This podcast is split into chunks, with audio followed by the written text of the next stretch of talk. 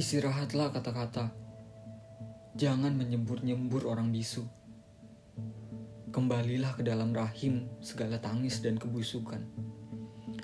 Dalam sunyi yang meringis, tempat orang-orang mengikari, menahan ucapnya sendiri. Tidurlah, kata-kata, kita bangkit nanti, menghimpun tuntutan-tuntutan yang miskin papa dan dihancurkan.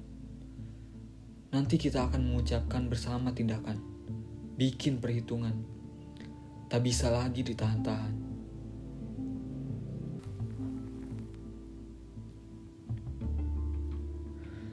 Jika rakyat pergi ketika penguasa pidato, kita harus hati-hati.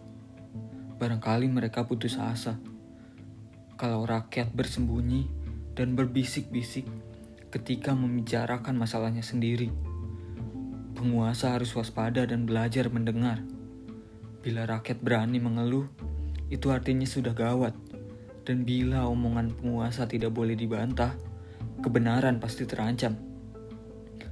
Apabila usul ditolak tanpa ditimbang, suara dibungkam, kritik dilarang tanpa alasan, dituduh supersip, dan mengganggu keamanan hanya ada satu kata. Lawan.